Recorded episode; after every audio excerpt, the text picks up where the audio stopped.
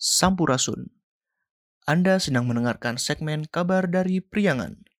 Segmen ini merupakan tempat bercakapnya manusia-manusia dari tanah Parahyangan yang terdiri dari Firman, Sabit, Azam, Dava, dan Ilham. Selamat mendengarkan.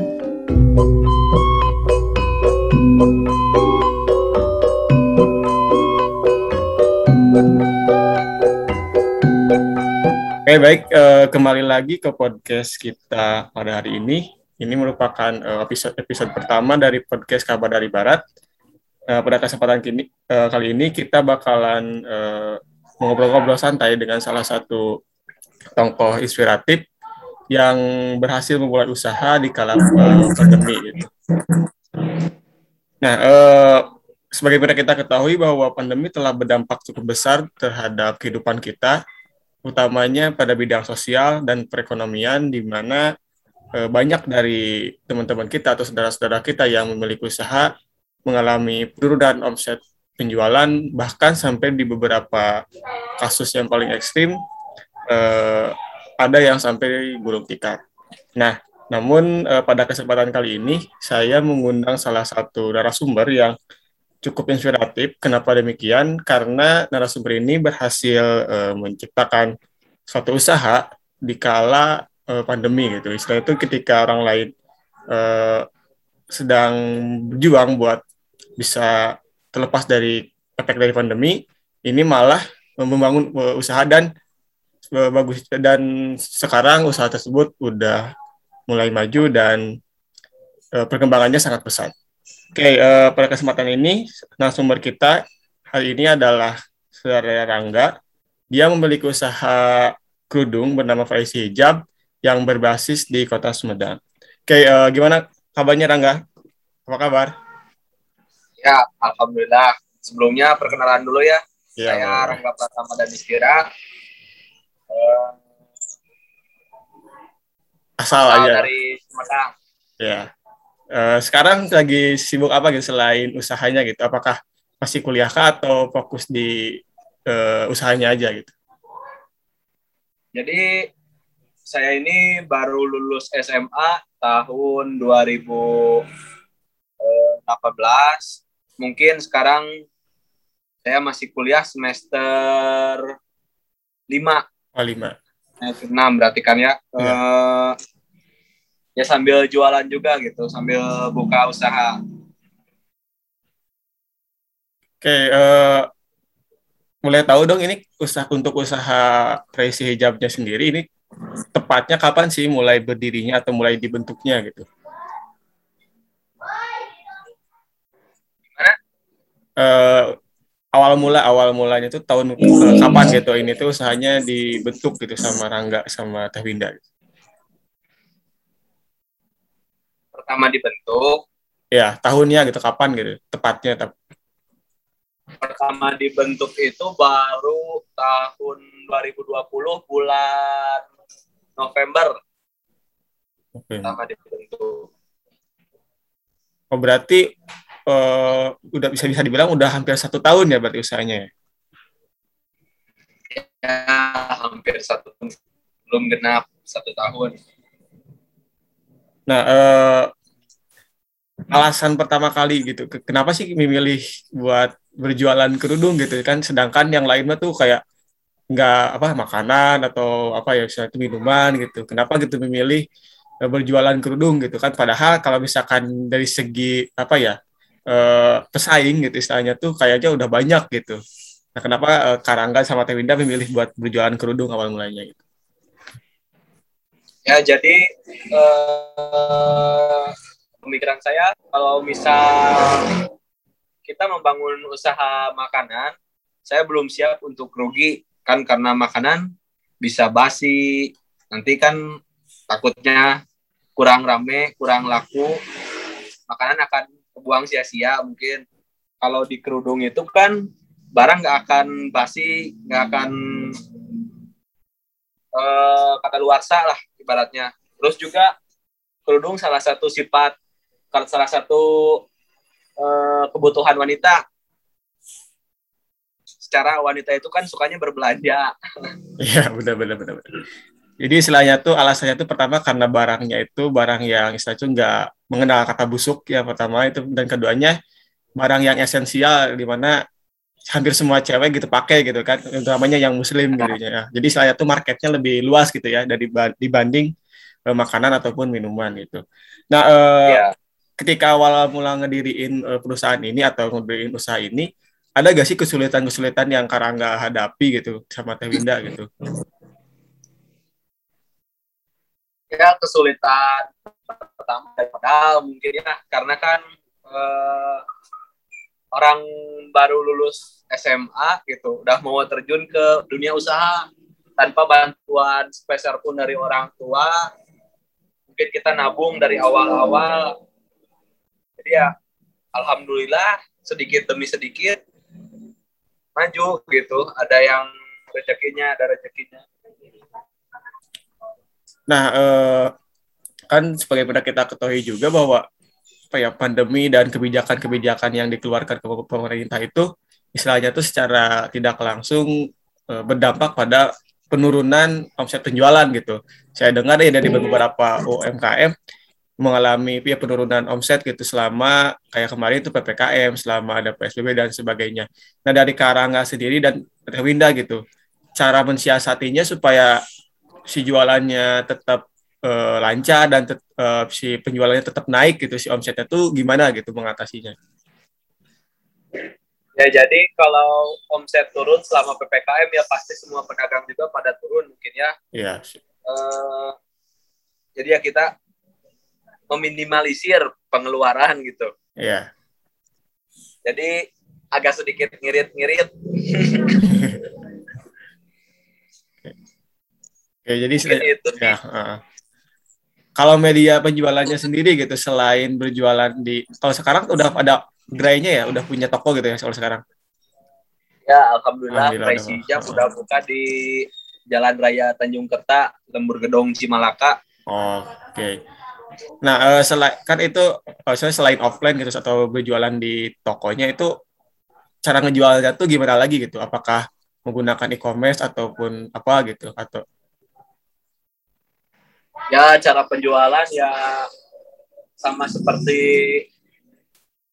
orang-orang menjualnya sama online gitu. Lewat Instagram, Shopee, Tokopedia dan berbagai macam lainnya.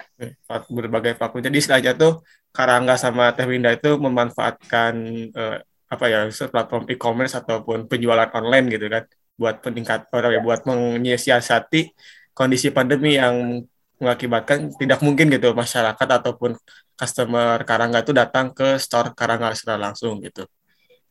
Ya pasti apalagi kan kemarin-kemarin sempat toko pada ditutup gitu ya. kan jadi ya ramenya dari online gitu. Iya.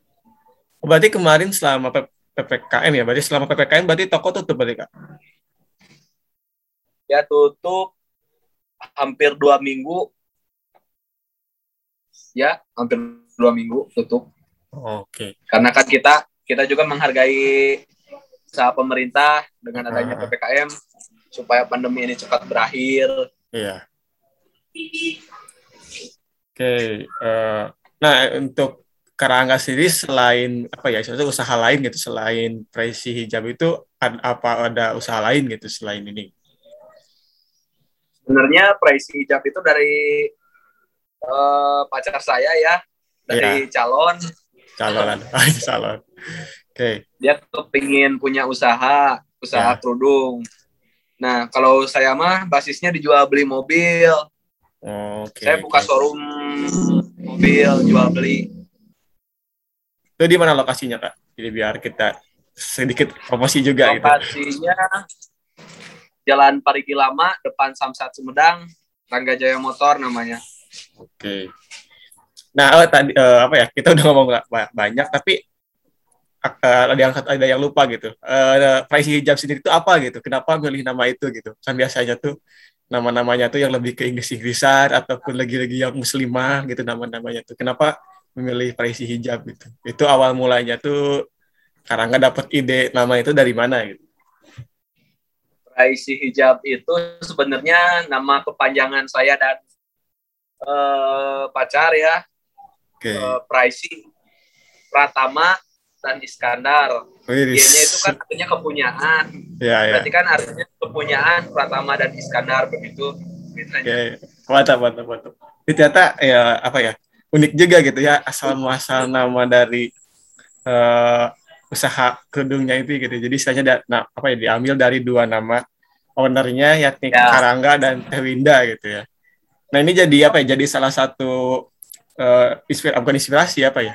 Contoh yang positif juga gitu. Kalau misalkan pacaran juga bisa menghasilkan sesuatu hal hal yang positif gitu. Contohnya tuh kayak Karangga dan Tewinda yang berhasil membuat uh, usaha gitu, usaha kerudung gitu dan sekarang udah sukses uh, usahanya gitu. Suatu jadi buat teman-teman yang di luar juga yang masih apa ya, yang udah punya pacar, mungkin bisa juga dicontoh tuh Karangga sama Teh Binda bikin usaha bareng-bareng gitu. Dan mungkin kita doain bisa sampai ke tahap tahap berikutnya lah kayak gitu. Ya kalau pesan kesan buat generasi-generasi milenial mungkin ya ayah. Ya. Uh, jangan takut maju. Kalau misalkan kita punya mimpi kita kejar. Sekarang kalau misalkan generasi-generasi milenial sekarang banyaknya kayak seperti main game online. Kan itu ngabisin waktu. Ya yeah. hura-hura gitu nongkrong sana sini. Ngabisin waktu nggak jelas. Ya lebih baik lah lebih baik kita usaha gitu. Daripada ngabisin waktu di masa muda. Oke, itu apa ya pesan juga, ya lebih semangat gitu. Kan sekarang jiwa kita masih muda-muda nih. Otomatis kan tenaga hmm. pikiran kita masih panjang. Langkah baiknya kita berlari secepat mungkin di keadaan umur segini gitu. Oke. Mantap tuh pesan dari apa ya Karangka buat kita kita para generasi yang katanya milenial gitu. Dibuat apa tetap semangat buat ngejalanin uh, hari-harinya dan dan usahain buat usa, uh, isi kegiatan di masa mudanya dengan hal-hal yang positif. Nah, uh, apa ya? Aku juga pengen tanya jika dari sudut pandang kakak gitu kan, banyak tuh kebijakan-kebijakan dari ya pemerintah yang misalnya tuh kalau dari sudut pandang kita lihat dari para uh, penggiat usaha ataupun yang memiliki usaha kecil gitu, itu benar-benar apa ya kurang menguntungkan dan berdampak sangat signifikan gitu terhadap usaha-usaha mereka. Nah dari Karangga sendiri gitu ada gak sih harapan dan keinginan buat buat uh, apa ya harapan ataupun pesan yang ingin disampaikan khususnya kepada pihak-pihak terkait terkait dengan uh, penanganan COVID-19 ini gitu. Ya pesan kesan saya buat pihak terkait mungkin seharusnya nih sebelum ada diadakan ke kebijakan ppkm itu seharusnya diadakan dulu rundingan gitu antara setempat dengan pengusaha. Sedangkan kan kita usaha buat cari makan buat cari penghasilan gitu kan. Beda dengan yang punya gaji mungkin ya. Karena kan eh, yang punya gaji itu per bulan udah pasti ada punya gitu beda dengan yang usaha. Yang usaha kan udah mas. Lagi pandemi kayak gini terus toko disuruh tutup-tutup. Nah mungkin alangkah baiknya menurut saya mah kita sebagai pengusaha diajak rundingan dulu lah gimana baiknya biar sama-sama enak. Secara kan semuanya emang terdampak ya, benar, di pandemi ini gitu. Oke berarti istilahnya tuh harapan Karangga buat pihak terkait itu pengennya ketika uh, akan mengeluarkan suatu kebijakan istilahnya tuh kita rapat bareng-bareng dulu gitu ya jadi rapat-rapat bareng dulu nah, diskusi betul. diskusi terlebih dahulu gitu gimana uh, solusi terbaiknya gitu jadi istilahnya tuh jangan sepihak aja gitu langsung hmm. nah, ya suatu perkara karena ya kita ketahui juga bahwa sebagian besar dari masyarakat kita juga uh, apa ya sangat bergantung dari uh, hasil jualan mereka ataupun dari usaha yang sedang mereka jalanin gitu. Nah, uh, kan Karangga sama Tewinda ini bangun apa yang ngebangun usaha ini tuh bener, bener pas uh, COVID gitu kan, pas apa ya uh, dari tahun 2020 dan sampai sekarang 2021 gitu. Itu tahun-tahun di mana COVID terjadi di negara kita gitu. Nah, ya. uh, kadang ada tuh teman-teman yang nanya gitu, kayak bukan nanya tapi kayak mikir gitu. Uh, ada ketakutan gitu ketika ingin mendirikan suatu usaha gitu di kondisi kayak sekarang itu takut rugi atau takut bla bla bla lah gitu banyak ketakutan dari mereka. Nah dari Karangga sendiri gitu pesan buat mereka tuh gimana gitu supaya tetap bisa fight gitu di usaha mereka gitu. Ya mungkin kalau ketakutan ya pasti semua pengusaha juga pasti takut. Tapi resikonya jadi pengusaha ya itu. Ya benar. Jangan mau jadi usaha kalau nggak mau punya resiko. Intinya begitu. Okay, jadi, jadi pasti punya resiko gitu. Jadi istilahnya tuh uh, apa ya misalnya mumpung masih muda gitu tabrak aja risikonya gitu kan istilahnya tuh sebelum kita mulai kita gak bakalan tahu gitu hasilnya kayak gimana berarti ya nah gitu secara kan sifat saya kalau misalkan saya belum coba saya nggak percaya begitu. Ih, mantap. Itu kuas dari Karangga gitu ya. Kalau belum coba belum percaya gitu ya. Saya coba dulu. Kalau misalkan gagal ya berarti saya percaya oh berarti bukan jalan saya. Seperti itu ah. Ya berarti eh, bukan jalan dan mungkin ada yang kurang juga gitu ya, ada yang ada ya step-step yang kurang dilakuin ataupun yang mana itu harus kita belajar lagi gitu supaya bisa sukses berarti ya. Ya. Nah, eh, mungkin ini pertanyaan terakhir buat Karangga. Eh, harapan buat ke depannya gitu khususnya tuh buat uh, usaha dari Praisi Hijab sendiri itu gimana gitu kak harapannya? Maaf pak gimana? Uh, ini untuk pertanyaan berikutnya tuh harapan harapan untuk uh, ke depannya Praisi Hijab itu kayak gimana? Harapan dari Karangga dan Teh Winda itu? Ya harapan saya pengennya sih uh, Praisi Hijab itu bisa terus maju, dikenal masyarakat luas, terus juga masalah omsetnya tinggi. Naik ya juga punya pabrik sendiri gitu. Amin amin.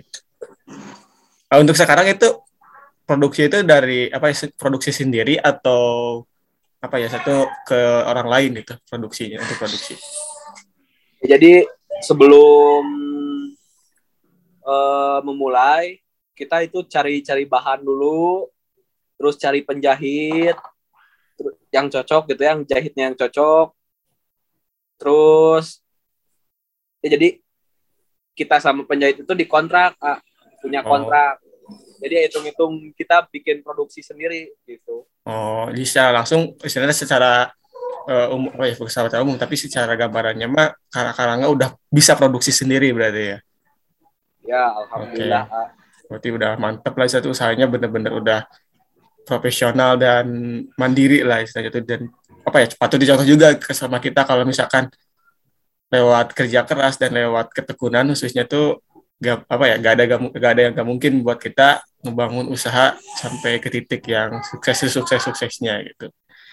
Nah eh, mungkin untuk pertanyaannya dari kita udah semua kita tanyakan dan jawabannya itu benar-benar sangat menginspirasi kita khususnya anak-anak muda buat nggak takut khususnya itu untuk untuk uh, mendirikan suatu usaha mungkin.